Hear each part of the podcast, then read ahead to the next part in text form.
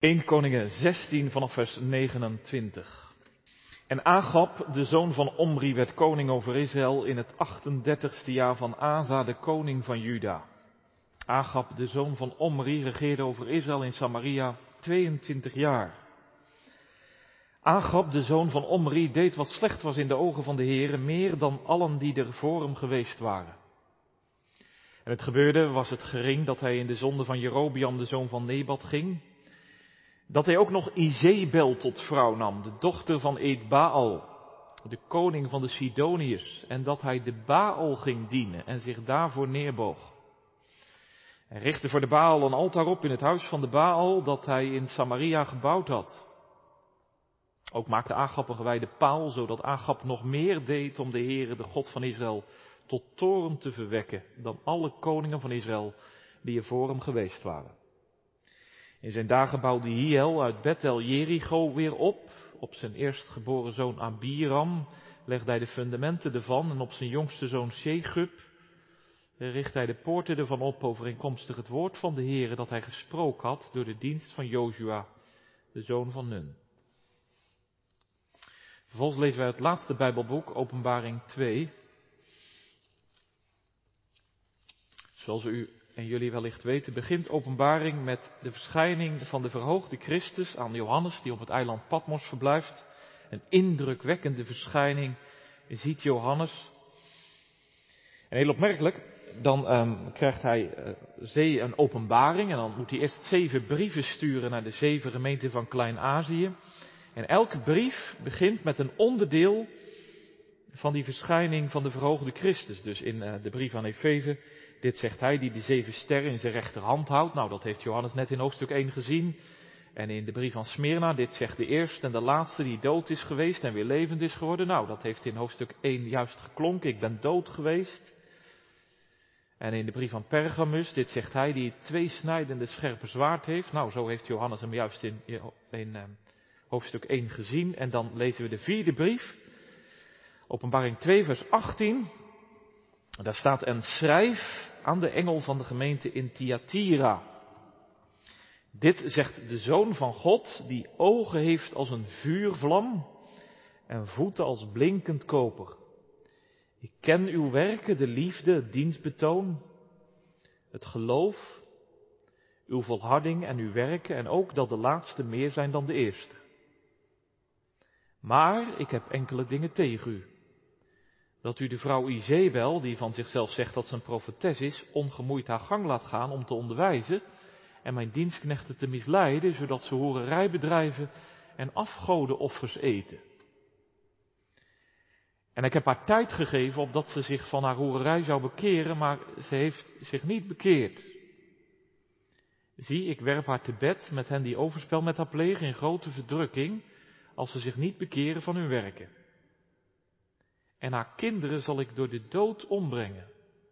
En alle gemeenten zullen weten dat ik het ben die nieren en harten doorzoek. En ik zal geven, ik zal u geven en ieder naar uw werken.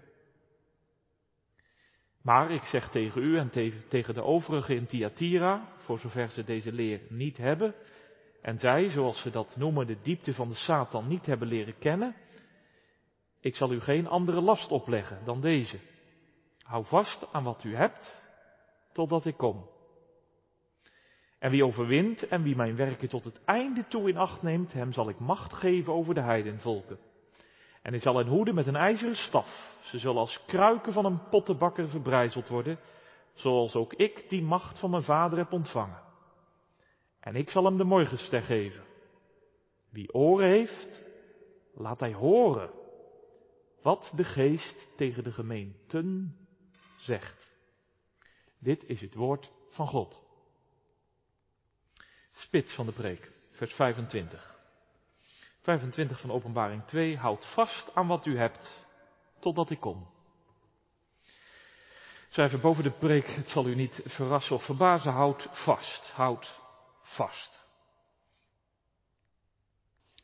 Houd vast aan wat u hebt, totdat ik kom.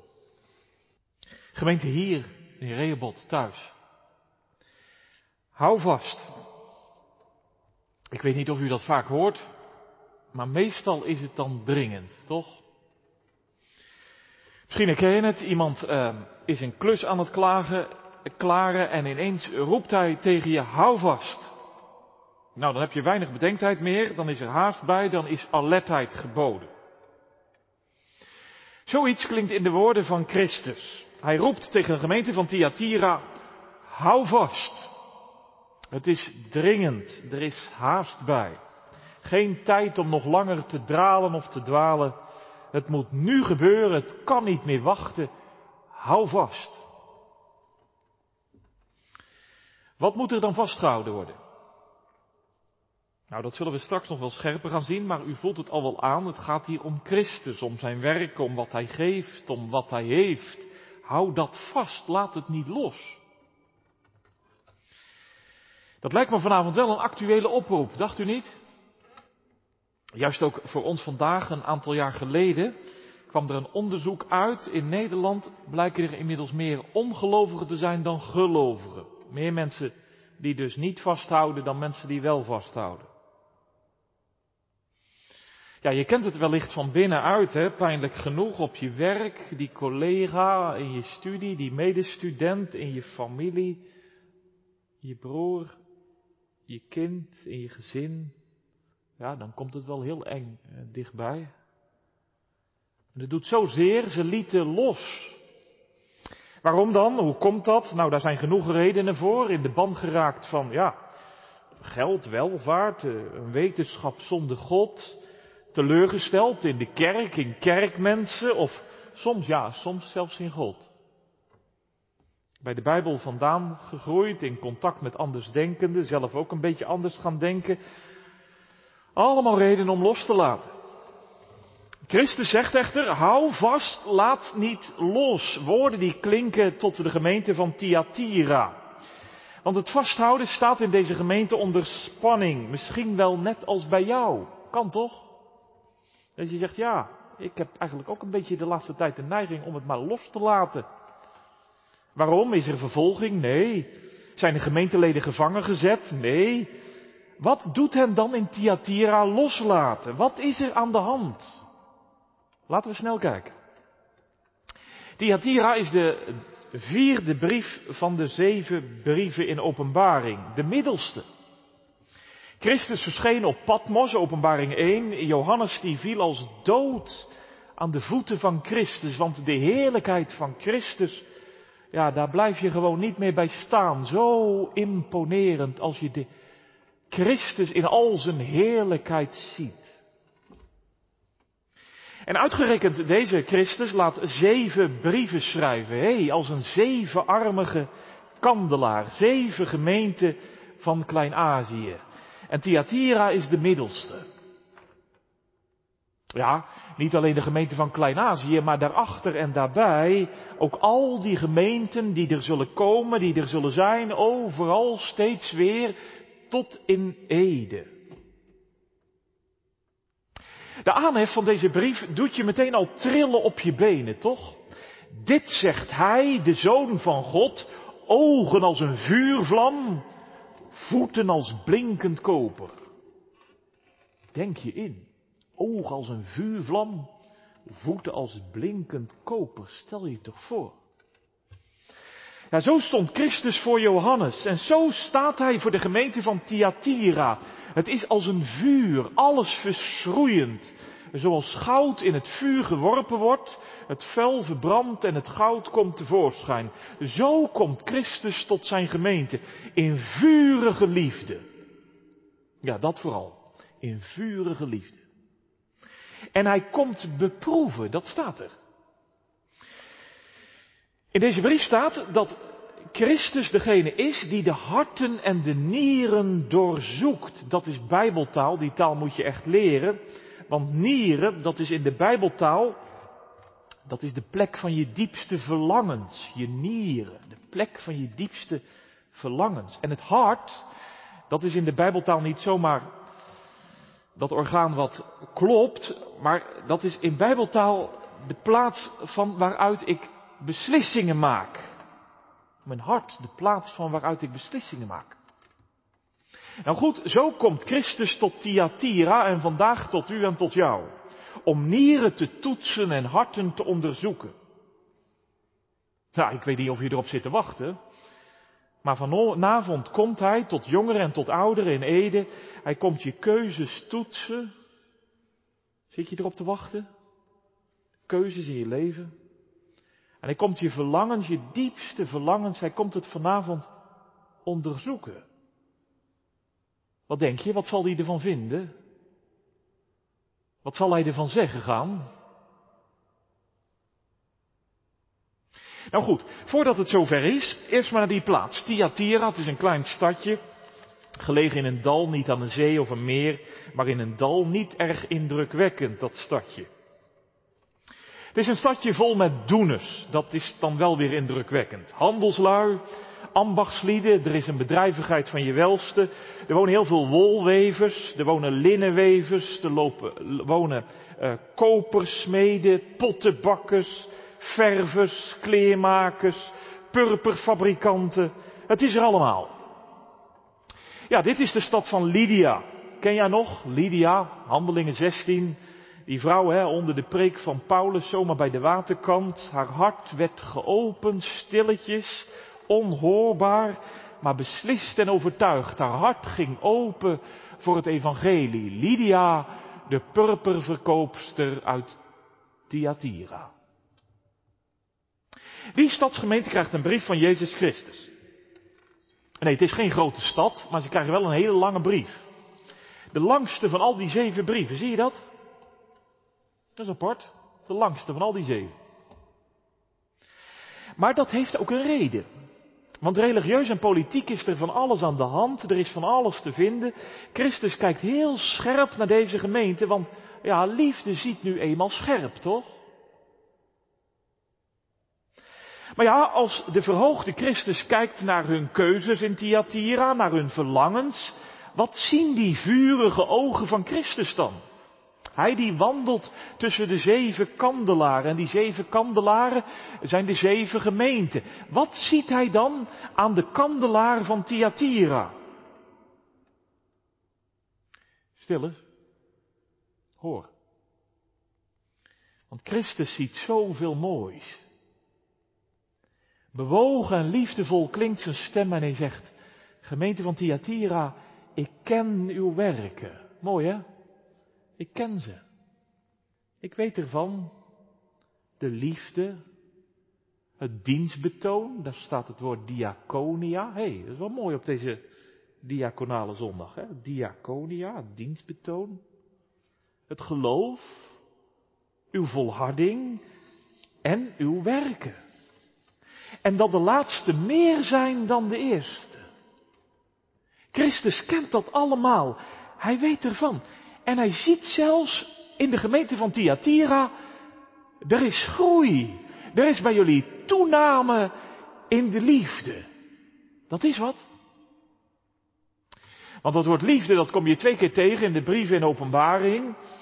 Eerst in de brief aan de gemeente van Efeze. Nou, daar hadden ze de eerste liefde verlaten. Maar in de gemeente van Thyatira is hun liefde juist toegenomen.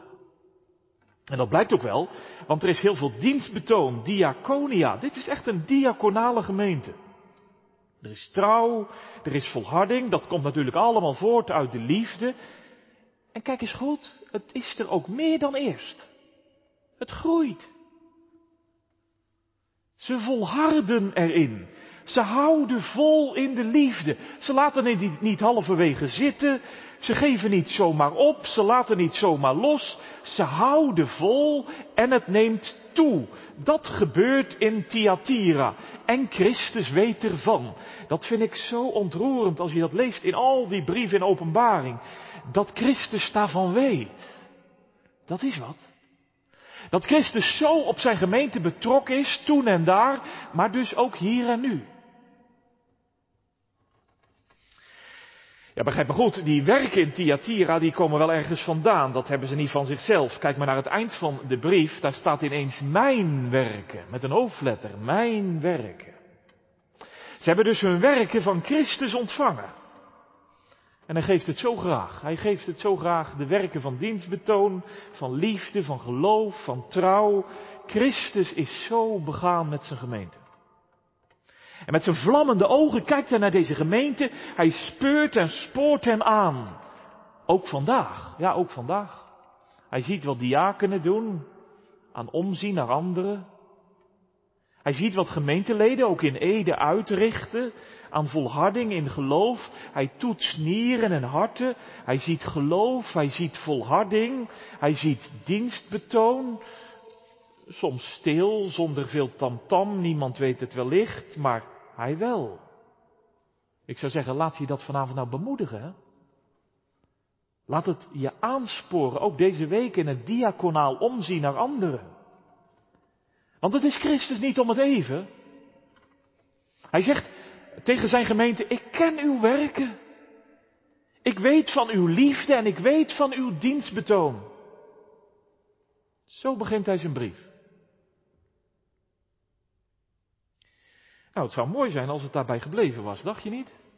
Het zou toch mooi zijn als het daarbij gebleven was, dat we hadden kunnen zeggen, nou amen, ik ken uw werken. Alleen daar staat geen punt, want die diaconale gemeente in Thyatira, ze wordt bedreigd. Die vurige ogen van Christus kijken verder, want daar is namelijk een vrouw in Thyatira en, ja, wat moet je ervan zeggen? Die vrouw is geen Lydia-figuur, maar een Izebel-figuur. En die gemeente die vol is van liefde voor Christus, die laat deze vrouw rustig begaan. Ze leggen haar eigenlijk geen strobreed in de weg. Tucht, daar gaan we het volgende week over hebben, tucht functioneert kennelijk niet. Christus waarschuwt deze gemeente. Want wat die vrouw doet in de gemeente, dat heeft alles te maken met de leer van de Nicolaïten. In Efeze is die leer bestreden. En daarom worden ze ook geprezen hè, in Efeze dat jullie de leer van de Nicolaïten bestrijden. In Pergamus worden ze door die leer bedreigd en in Thyatira wordt er zelfs campagne voor die leer gevoerd. Christus waarschuwt. En in de brief van Pergamus staat, doet hij dat door die leer van de Nicolaïten te vergelijken met Biliam, die man in het Oude Testament, misschien ken je hem wel, hè, met die ezel die begon te praten. En hier in deze brief vergelijkt hij de leer van de Nicolaïten met het doen en laten van Izebel. Die vrouw van Agap. Ken je haar? Ah, ze was zo geslepen, zo geraffineerd. Ze trok Israël weg bij haar God. Zo ook hier. Nee, begrijp me goed, in Thyatira zelf zien ze dat niet zo. Uh, deze vrouw gaat door voor een diep geestelijke vrouw. Ze gooit hoge ogen in de gemeente. Een profetes noemt ze zichzelf. En anderen die zien ook wel wat in haar, maar, maar Christus noemt haar Izebel. Nou, dat hakt er diep in, toch? Moet je even voorstellen, hè? deze brief die werd dus naar Thyatira verzonden. Hij werd voorgelezen door de engel, de bode, de voorganger. De gemeente komt dus samen ergens in Thyatira, in een magazijn of in een huis. Ja, net als vanavond in Ede. En de voorganger die loopt naar voren en hij zegt, gemeente van Thyatira, ik heb nog een brief ontvangen. Via Johannes hebben we hem ontvangen. Hij is van Christus zelf. Ik zal hem even voorlezen. Iedereen zit stil. Misschien zat mevrouw Izebel er wel tussen. De voorganger gaat lezen, ja, ik ken uw werken, uw liefde, uw diaconia. Heerlijk, schitterend, je gezicht kleurt, je hart springt op. Maar dan ineens, maar ik heb enkele dingen tegen u. Die vrouw daar, Izebel noem ik haar. U laat haar zomaar haar gang gaan. Ja, Christus kijkt dus nog wel eens anders naar de gemeente dan wij. Dat blijkt maar weer. Hij kijkt veel dieper. Hij proeft nieren, hij toetst harten, hij onderzoekt keuzes, hij verlangens. Hij ziet die vrouw en hij zegt, dat is Izebel, want ze laat de gemeente van Thyatira afhoereren. Beetje ouderwets woord, maar deze vrouw is bezig om van Thyatira een compromisgemeente te maken. Zo moet je het maar noemen, een compromisgemeente. Ja, eigenlijk net als Izebel deed, hè. Die vrouw van koning Agab, jij kent haar ook wel, we lazen het. Ineens zegt de Bijbelschrijver, ook nam Agab Izebel. En je voelt de dreiging. Want dat is de vrouw die naast de God van Israël aan Israël eh, leert om ook andere goden te dienen. Geslepen en geraffineerd trekt ze eh, het volk van Israël bij God vandaan. Ja, zeg je, maar hoe bedoel je dat dan in de context van deze brief? Nou, die vrouw in Thyatira, die lijkt verdacht veel op Izebel. Ook zij maakt indruk, ook zij noemt zichzelf profetes. Ze onderwijst in de gemeente. Wat voor onderwijs geeft ze dan? Nou ja, ik kan u zeggen, christen zijn in Thyatira, dat valt niet mee. Want al die doeners, die pottenbakkers en die purperverkoopsters en die kleermakers, die kwamen samen in zogenaamde gilden. En hoe gaat het in die gilden, de pottenbakkersgilden en de purperverkopergilden? Nou ja, het gaat eigenlijk net zoals bij jou op je bedrijf, gewoon af en toe een feestje van de zaak. Ja. Het duurt tot in de late uurtjes, je eet met elkaar, je drinkt met elkaar, soms iets te veel, vaak iets te veel. Je bent intiem met elkaar, je kent het wellicht. Ja, pas hoorde ik van iemand in de gemeente die zei, als er bij ons op het werk een feestje is, daar wil je niet bij zijn. Dat gaat er stevig aan toe, kan ik je zeggen.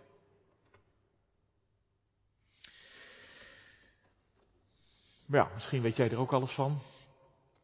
In deze tijd is dat natuurlijk wat moeilijk met feestjes, maar in gewone dagen feestjes, ja, tot in Ede toe, hè, tot op het Museumplein of ergens anders. Alleen meedoen aan die feestjes, hè, ja, zal ik het wel doen, zal ik gaan, zal ik niet gaan. Die zogenaamde profetes in de gemeente van Thyatira, die zegt, waarom niet? Waarom niet? Doe gewoon mee. Wat hindert dat? Maar Christus, die is messcherp. Hij proeft nieren, hij toetst harten. En hij gebruikt in deze brief hele scherpe taal. Waarom? Nou, die feesten van daar en toen, die gaan nog een stap verder dan die feesten waar jij het over hebt misschien. Want die feesten daar in Thyatira, die hebben ook te maken met een godenwereld. Een godenwereld, ja. Want die gilden, die pottenbakkersgilden en die purperverkopergilden en die kleermakersgilden, die hebben allemaal hun, ook hun eigen god. Tijdens die feestmaaltijden wordt dus de god van de pottenbakkers vereerd, of de god van de eh, purperverkoopster wordt vereerd. En er wordt aan eh, geofferd. En samen eh, neem je ook deel aan die offermaaltijden. Christus zegt, het zijn de diepte van de Satan. Ze worden zichtbaar in Thyatira. Want intussen voel je wel, niet meedoen aan die feestjes, ja, dat is nog niet zomaar uh, dat jij tegen je vrienden zegt, nee, ik kom niet. Of dat u tegen dat bedrijfsuitje zegt, nou, dat is aan mij niet besteed. Maar als je daar nee zegt, ja, als het met ons en onze gilden dan minder gaat, en jij hebt als christen de God van de pottenbakkers erbij laten zitten omdat je op dat feestje niet kwam, dan ben jij als pottenbakker wel de pineut. Dat gaat je inkomsten kosten. Dat ga je voelen in je portemonnee, dat gaat je merken, ga je merken tot achter je voordeur, tot zelfs in je voorraadkast. Je baan kan zelfs op de tocht komen te staan. Dus, wat die zogenaamde Izebel in de gemeente zegt, dat is eigenlijk ook wel heel verleidelijk, hè? Want kijk, als je nou gewoon mee kunt doen, dat is gewoon voor alles beter. Je krijgt geen problemen, je hebt geen gezeur. Alleen Christus is messcherp. Hij zegt, ik heb haar geroepen tot bekering, vol geduld, vol liefde. Ik heb haar respijt gegeven, teruggeroepen, maar ze gaat gewoon door. Ze heeft zich niet bekeerd. Ik werp haar te bed. Dat betekent, ze zal ernstig ziek worden. En haar kinderen zal ik ombrengen. Welke kinderen? Haar volgelingen, kinderen van haar. Ze worden omgebracht, ja, precies in dat beeld van Agap in Izebel. Ook hun kinderen werden omgebracht. En Christus zegt, alle gemeenten zullen het zien. Als jullie zelf geen tucht oefenen, daar gaan we het volgende week over hebben. Als jullie zelf geen tucht oefenen, dan doe ik het wel. Nou, nou, nou, nou. Ik was vanmiddag met deze preek bezig, maar ik dacht, ja, waarom zo scherp, hè? Waarom zo vurig? Weet u waarom? Omdat liefde scherp ziet. Toch? Daarom. Omdat Christus dat gebeuren van die vrouwen Izebel ontmaskert als hoererij staat. Porneia, dan weet jij ook wel wat er bedoeld wordt. En ook dat hoorde bij die feestjes, tempelprostitutie, Christus dienen, maar daarnaast een ander erbij. Meedoen in de godenwereld van die dagen en ondertussen meehobbelen in de dienst aan Christus. De Zoon van God, hij noemt het overspel, hoererij. Dan leef je uit de rechterhand van Hem en ondertussen zit je aan de tafels van de economiegoden. Omdat je bang bent dat het dienen van Christus je wat gaat kosten. Ja, zou dat ook vandaag kunnen? Want gemeente zeg eens, als Christus vanavond nou mijn hart proeft, mijn nieren toetst, mijn verlangens ziet, mijn keuzes onderzoekt, hoe zou zijn oordeel dan over mij uitvallen? Over onze gemeente? Waarin zoek ik, zoeken wij vaak het compromis tussen God en dat andere. Ja, ik denk zomaar dat zal bij ieder van ons wel wat verschillen. Maar gaat eens na deze week. Is het zuiver mijn verlangens en mijn keuzes die ik maak? Misschien wel heel concreet. In het werk dat je doet, kan toch? Zondags, ja, dan doe je keurig mee. Maar je houdt je in je werk aan dat ene. Je doet er gewoon aan mee. En je maakt jezelf wijs, nou dat kan toch best, waarom niet? Of je hebt er ook nog wel eens last van, maar anderen zeiden, kom op, doe niet zo moeilijk. En ja, dat waren toch ook christenen, nou ja, toe maar. Of in je studie, je zoekt een compromis, want ja, waarom moet het echt zo radicaal? Je begrijpt toch wel en je snapt toch ook in de keuzes die je maakt, je verlangens, eh, die uitgaan naar, ja, maak het voor jezelf maar eens concreet in de gesprekken wellicht vanavond met elkaar. Want liefde ziet scherp. En de ogen van Christus, ze vlammen, zijn voeten gloeien. En hij zegt, mijn gemeente, hoe heb ik het met u? Nee, Christus zegt, gemeente van Thyatira, ik zal u geen andere lasten opleggen hoor. Zo ben ik niet. Ik zal niet nog meer van jullie vragen. Alleen dit, alleen dit. Gemeente van Thyatira, blijf nou bij mij. Blijf alleen bij mij. Alleen bij mij. Leef van mijn werken. Hou je weg bij dat halve. Laat je niet meeslepen. Hou vast aan wat je hebt. Ja, zeg je, maar wat hebben ze dan? Christus. Zijn werken, zijn werken van dienstbetoon, van liefde, van geloof, van volharding. Zijn leven, ja, leven vanuit zijn rechterhand, dat hebben ze. Hou dat nu vast, zegt Christus. Totdat ik kom, hou mij nu voor ogen. Want ik ging ook een weg door een donkere nacht heen. Ik weet ervan. En ze deden bij mij ook van alles om me onderuit te halen. Alles kwam op mij aan om los te laten, maar ik hield vast. Daarom hou mij nu voor ogen. Mijn dienstbetoon, mijn geloof, mijn trouw, mijn volharding. Hou dat vast, want zo zul je overwinnen. Niet door weer andere lasten te ontvangen, die ik weer van jullie ga vragen, maar door alleen vast te houden. Wat zeg je? Weet je niet hoe dat gaat? Voel je je eigenlijk zo zwak? Liet je los? Laat je los. Weet je gewoon niet meer hoe het moet? Mis je de geloofskracht om nog langer vast te houden? Weet je niet hoe dat kan? Vasthouden, dat gaat zo. Door je te verliezen aan Hem. Voor het eerst en steeds weer opnieuw. Zo overwin je, zegt Christus. Door je steeds weer in je leven te verliezen aan zijn liefde, alleen zijn liefde. Niets anders. Door je steeds weer te verliezen aan zijn geloof, alleen zijn geloof. Steeds weer te verliezen aan zijn trouw. Steeds weer te verliezen aan zijn volharding. Want wie zich verliest aan mij, zegt Christus, die overwint. En wie overwint, hem zal ik macht geven over de heidenvolken. Zo. Ja, dat staat er, hè? Wie overwint door zich te verliezen aan mij, hem zal ik macht geven aan de heidenvolken. Hé, hey, daar klinkt Psalm 2 in door, die psalm die we straks gaan zingen. Want de Zoon van God, Christus zelf, hij heeft de macht in handen over al de heidenvolken. En hij wil die macht ook delen, zodat ze in Thyatira er tegenop kunnen.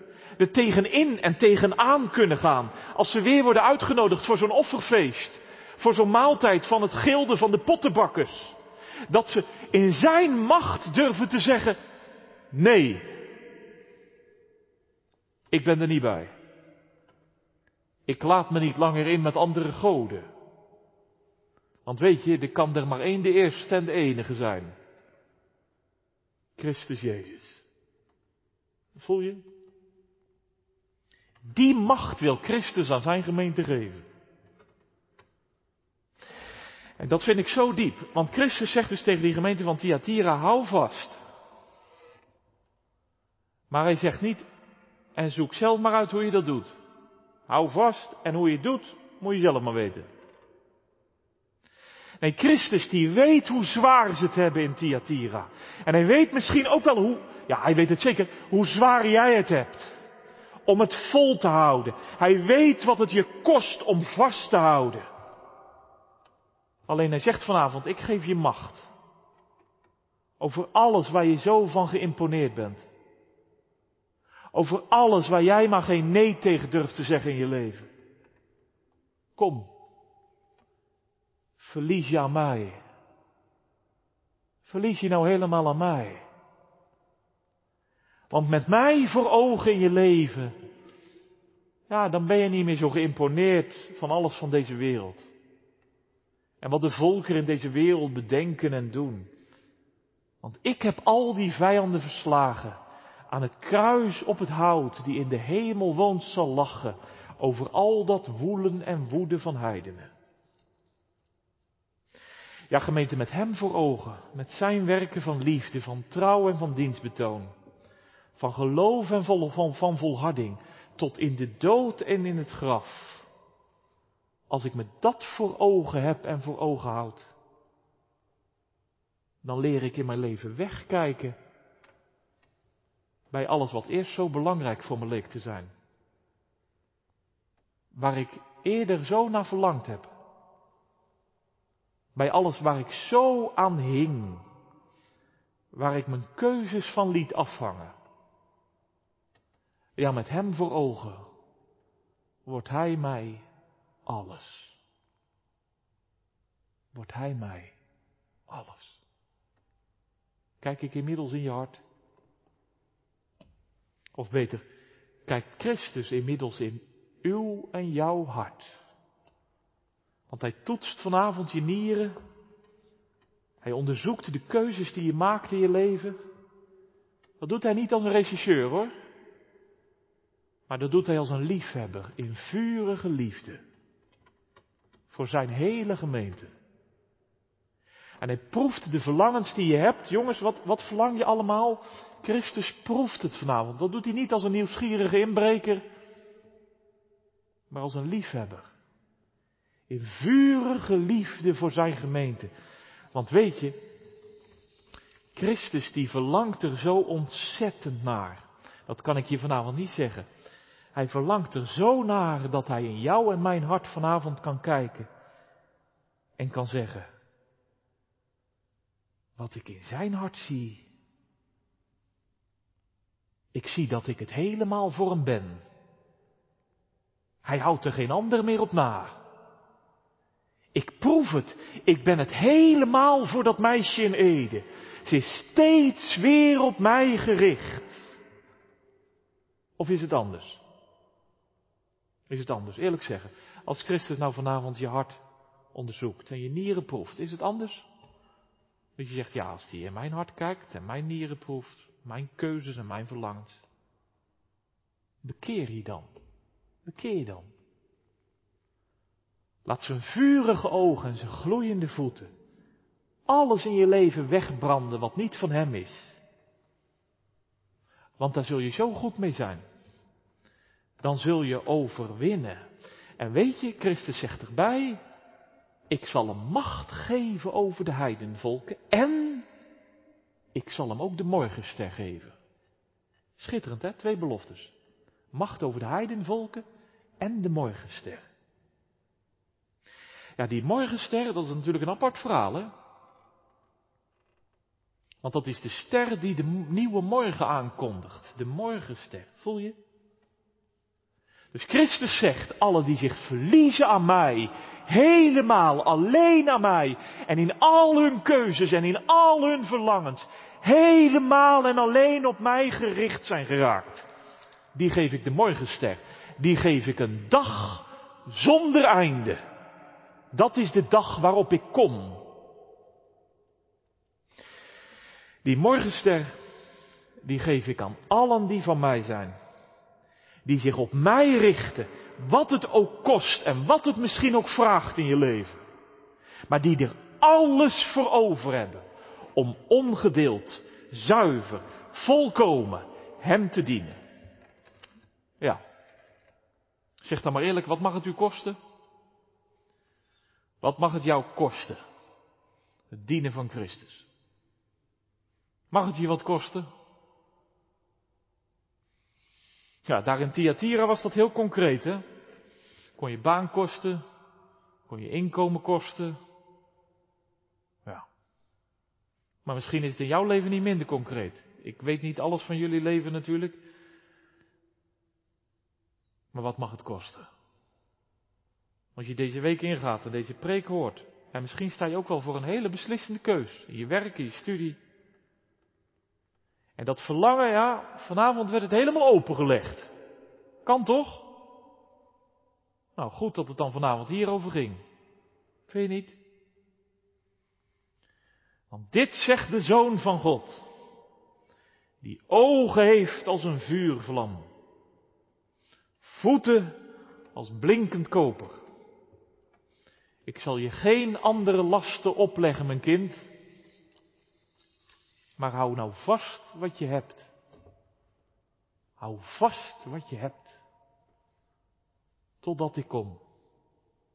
Wie oren heeft om te horen, laat hij horen wat de geest tot de gemeenten zegt. Amen.